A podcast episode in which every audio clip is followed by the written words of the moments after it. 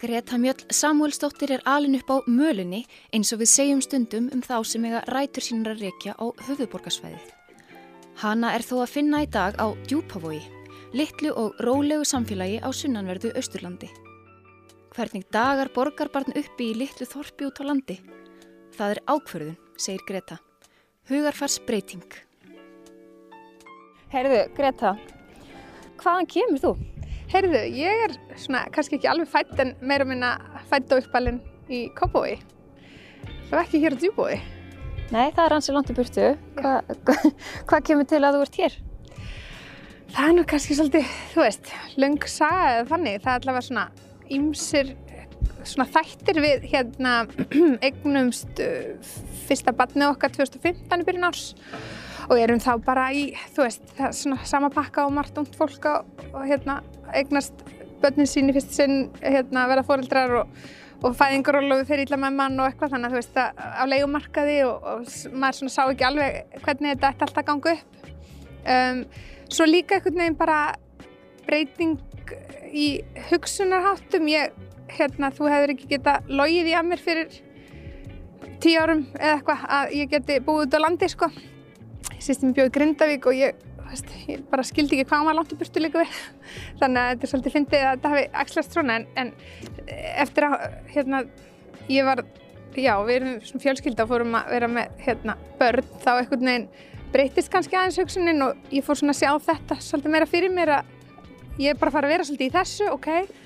Þá allt í hennu fór ég að sjá svona sjárm í því að hæja aðeins á og, og vera einhvern veginn þess vegna aðeins lengri burtu geta lagt fyrir pening og þannig að vera svona hitt á þetta sem að sapnaðist saman í þessa pælingu. Svo sáum við bara ógslag að finna starfsauðlýsingu sem að einhvern veginn greip auða því hún var öðruvísi.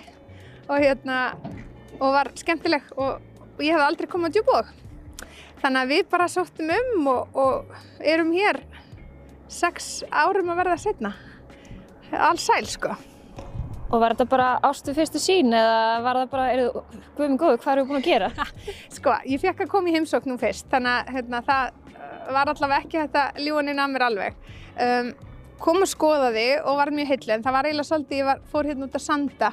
Ég man að vinkurum mín Haldur og Dröfn, hún hérna sáum viðtalið við mig og, og síndi mér hér um og, og hérna skoði hitt og þetta og svo fórum við út að sanda og þá man ég, ég hugsa, ég vona, þú veist, að ég megi hérna segja svona ljóta orðin, ég hugsaði andskotin, ég þarf að flytja ykkar af því ég var algjörlega svona heillið út á söndum mann ég og hugsaði bara þetta er bara, þú veist, ég geti búið hér. Um, og við tókum bara hérna, ég sagði upp í mínu starfi sem að ég átti að hefja aftur eftir fæðingarulof og, og maður minn tók starfsleifi eitt ár bara til að hafa eitthvað í hendi ef að þetta væri nú bara eitthvað, þú veist, eitthvað hræðilegt af því að þá getum við alltaf bara flutt aftur söður um, og vorum að hugsa þetta bara eitt til þrjú ár og prófum þetta bara og eins og ég segi þá eru börnun orðin þrjú og, og það er komið hús og fyrirtæki og, og ég einmitt hérna, held að það verði erfitt að fá okkur hérna sko. Hvað sögðu svona vinnir og, og fjölskylda í bænum þegar þið tilkynntu um þetta? Það var svolítið fyndi, ég man að fólk var svolítið að flytja til útlanda og fara til Noregs að vinna og eitthvað, það var einhvern veginn ekkert mál en við að flytja út á land, það var alveg, fólk var alveg að byrja af hverju? Og, og svo þetta líka þetta hefbunna bara og hvað er, er, er læknir hann og er, er spítali? Og veist, er þið örug og eitthvað svona alls konar sem er þetta bara seg, svona, segir svolítið um það hvað fólk veit ekkert endilega mikið um landsbyðina oft. En hérna og eðlilegar áhugjur líka, fólk bara vill ekki að maður fari langt í burtu kannski, eðlilega. En, en langt mestu þetta fyrst og fremst var þetta mikil stuðningur og, og fólk fannst, hérna fólkinu okkar fannst þetta bara ofsalega falleg hugmynd. Maðurum minn er, hans fjölskyld er þetta svolítil hefð. Hann er fættur á sögurkröki bjó hérna sem barn á bara sveitabæ með fjölskyldin sinni og bræður hans hefa gert þetta flutt út á land. Og við einhvern veginn þannig að ég held fyrir honum var þetta svolítið svona eitthvað sem maður gerir. Og þegar ég hugsaði þetta þannig, ég bjó Erlendis, um, lærði í Boston og ég man að mér fannst það einhvern veginn svo mikilvægt, ég hugsaði vákað er mikilvægt að prófa að búa ekki á Íslandi til að kunna metta Ísland og ákveða að búa á Íslandi? Af því að það er umverulega ákverðin, þú veist, þú ræður hvort þú ætlir að vera einna ekki. Að það fannst mér eiginlega svolítið sama gilda með það að búa út á landi, veist, hvernig get ég sagt ég get aldrei búið út á landi ef ég hef aldrei prófað það. Þannig ég einhvern veginn Já, það var svona í mínum huga líka bara ég allavega prófa það og þá veit ég allavega að tekja upplýsta ákvörðin að búa í bænum að veit þá að hittir ekki fyrir mig. En, en uh, sko, af hverju heldur þau að, að, hérna, að höfuborgarbúar lítið á það sem svona næstu því bara eitthvað hættulegt að flytja út á land?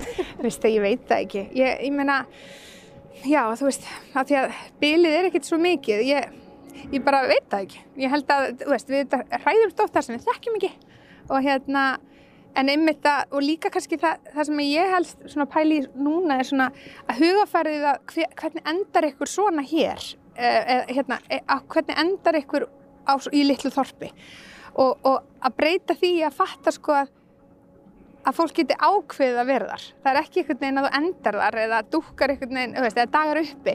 Það er einmitt þetta að velja að vera hérna og, og að það sé hérna svona, ég held að það sé bara ákveðin hugafarsbreyting en við fáum alveg ennþá eða svona, uh, þegar erum alveg og, og hvað ætlum við bara enda þarna? Því ég hef alltaf svarað því bara, þú veist ég er hérna 32 ára, ég er ekki alltaf ekki að enda einstaðar strax, þú veist. Ég hérna, þarf ekki að hugsa það til enda. En okkur lifi vel hérna núna og maður þarf svona aðeins að lifi í þessu blessaða núi sem allir er að tala um. Og ég meina, djúbjóður eru þetta líka bara kærkomin staður að því leiti af því að hér eru þessi hugmyndafræði, þessi hæglættisreyfing sittarsló og hún er algjörlega í takt við eh, kannski hvernig við viljum akkurat lifa lífun okkar núna. Við erum þetta með þessi litlu börn, maður er ekkert í miklu öðru maður er bara í mörg öðru, maður er svolítið bara þar og þá get ég ekki ímynda með betri stað til að ala upp litlu börni mín sko. Uh, nú veit ég að þú hérna varst mjög efnileg knastbundikona og spilaði örglega ennþá smá fókbólta. Já, svona stundum og að lítið samt. Sko, hérna, og þú ert náttúrulega alveg upp í, í félagi eins og Breiðablík sem er risastórt mm -hmm. knastbundifélag eða íþróttafélag. Um, finnst þér ekkert svona vandamála að, að vera með krakkana þína sem er svona lítil íþróttafélag? Jú, það er ógslag að finna og spyrja af því að þetta er held ég eitthvað sem að fólk sem er ekki endilega alveg upp í íþróttarhefingu eða íþróttarþengjandi hugsa endilega úti en ég, þetta var eiginlega það eina sem ég setti svona fyrir mig að geta endað hér eða verið hér til langs tíma er að, að börnum mín þurftu að eiga tækifæri á, á öllum íþróttagreinum sem er í bóði og allt það. Um, ég hef svolítið huggað þá hugsun bara veist, að þau séu ennþá mjög lítill en líka það að veist, hér er ótrúlega flott starf í því, veist, í því sem er í bóði Um, og svo bara ef að börnin okkar sína einhvern áhuga og, og, og bara talent eða já, hæfileika af einhverju þannig hérna því, á þeim skala að, það, að þá bara gerir maður það sem maður þarf. Og fólk hefur gert það og, og á Íslandi er, er afreiksfólk í íþróttum allstæða frá. Þannig að ég held að það sé veist, það er eitthvað sem ég hugsa bara um þannig. En hérna og svo er líka bara já það er hægt að finna íþróttir svolítið í öllu og, og hérna og sækja þá það sem vantar upp á bara þanga sem maður þarf sko. Það er auðvitað bara ákvörðun held ég sem að maður teklar þegar aðeins kemur. Kennir þau mikið bara í garðinum? Jú, svo er þetta það. Að hérna, maður auðvitað getur látið til sín taka þegar, hérna, þegar áhengin kemur. Af því að þú svo auðvitað áttægum alveg á því. Ég get alveg búið ykkur staðar í, í, hérna, með allar íþróttagreinar í, í radjus og, og barnið mitt bara langar ekkert í íþróttir. Veist, það er auðvitað bara eitthvað sem þú byrðið ekki til nema það þarf svolítið að koma frá þeim þannig að maður þarf að taka þetta allt inn í öfnina. Veist, af því að ég fæ íþróttauppöldi og, og fæ ofsalega góða reynslu í íþróttaheiminum og þá auðvitað eðlilega að hugsa ég svolítið út frá því.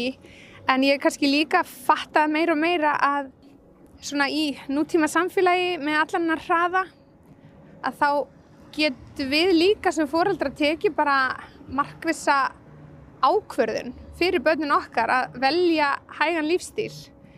Alveg eins og það að, að velja afriks íþróttalíf eða hvað það heitir. Einhvern veginn og, og fatta það sé bara ákverðin sem við getum tekið sem er svona góð gild kannski í þeirra framtíð að bara mamma og pappi ákvaðu að búa hér af því að veist, hér var einhver hérna svona uh, mótstæða við þessum, þessum hraðavæðingu. Og þannig að ég svona ég, já, ég svona hugsa þetta svolítið fram og tilbaka Já, það er náttúrulega kostur og gallar við allt. Mm. en maður getur allavega ímynda sér að maður hafi kannski aðeins meiri tíma fyrir börnin sín hér. Það er eiginlega alveg satt og, og ég djók oft með það sko að, að nýju uppáhaldstími minn er svona eftir að ég kom hingað sko myndi fjóru og sex sem er einmitt ég grínast við vinkonum svona tíminn sem engin mann eftir eða veit af einhvern veginn. Það er bara verið að koma öllum heim og sækja á leikskólan og til dæmumu og, og fara í búðuna og svo einhvern veginn þarf að fara að huga kvöldmand og allir í rúmið. Og, og í, staðin þá hef ég oft verið bara einhvern veginn að, að matla út í fjöru eða eitthvað með börnin og, og það er ekki eins og að fara að spá í kvöldmand strax. Og þú ert kannski búin að sækja og fara í búðuna og klukkan er bara kortir í fjör sko.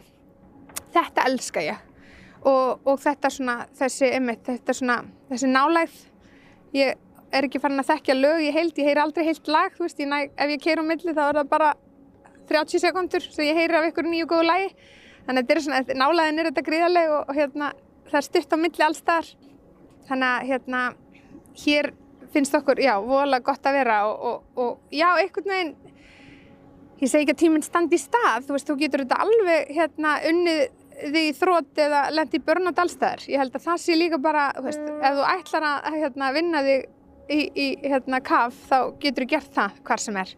Þannig að þetta er, þú veist, þess vegna held ég það er ekki heldur bara hægt að lifa hægun lífstil á svona stað. Það er líka bara ákverðin sem þú tekur. Hvernig ætlar þú að lifa þínu lífi og á, á hvað hraða, sko.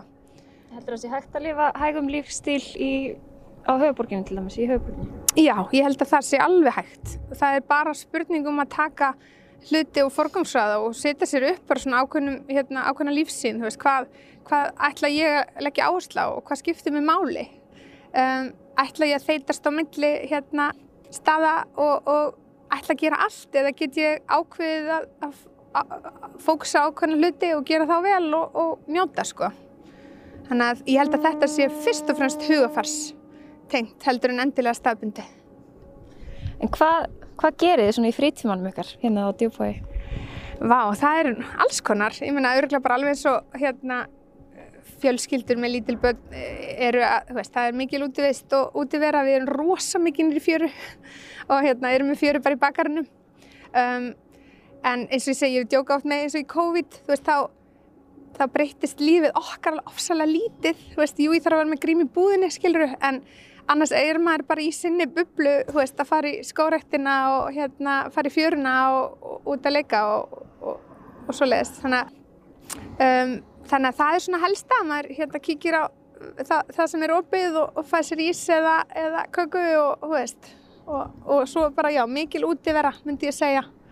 Og já, samvera kannski bara með, með þessum blessuðu bönnum okkar. Það er bara, það er ekki hægt að neyta því við erum búið mikið saman Um, er ekki rétt hjá mér að þú sést nú eiginlega söngkona? eiginlega söngkona, já. Jú, ég hef alveg sungið og finnst það var gaman. Gerur eitthvað í því hérna? Herðu, já, já, ég er í hljómsveit. Það er um þetta, sko, í frítíma. Maður, sko, nær, það er skemmtilegt út á landi.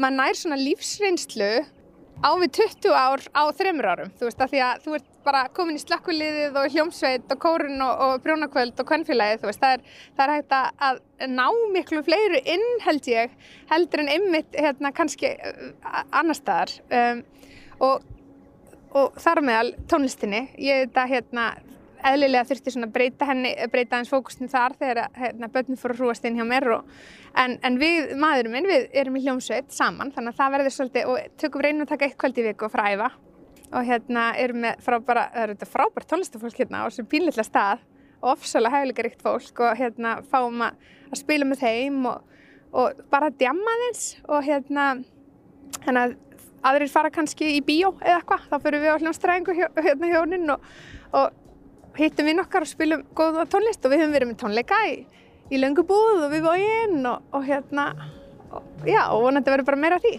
Hvað heitir hljómsveitin? Tónleikafélag Djúbavox þannig að það er alveg mjög fórulegt og flott nafn. Já, þeir eru allavega búin að setja okkur pressu að halda tónleika. Já, ég lof ekki frumsöndi efni en, hérna, en auðvitað, jú, við vonandi bara djömum ofnbörlega sem oftast. Rápart. Svona, kannski að lókum var ég að pæli í svona hvernig, þú verðist ekki plana kannski langt fram í tíma, en hver, hver, hvernig er framtíðin?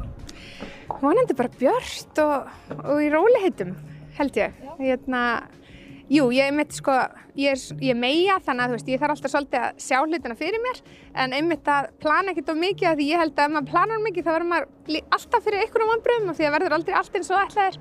Um, við hefum verið að taka þetta svona í, í hérna, skorpum, þú veist, að horfa, einmitt taka svona stöðuna að tvekjara fresti eða eitthvað Um, en, en já, framtíðin, ég verð allavega bara vonandi mitt að, að byggja fyrirtækið okkar og gera góðan mat um, og njóta, lifa njóta með vinnum og fjölskyldur sko.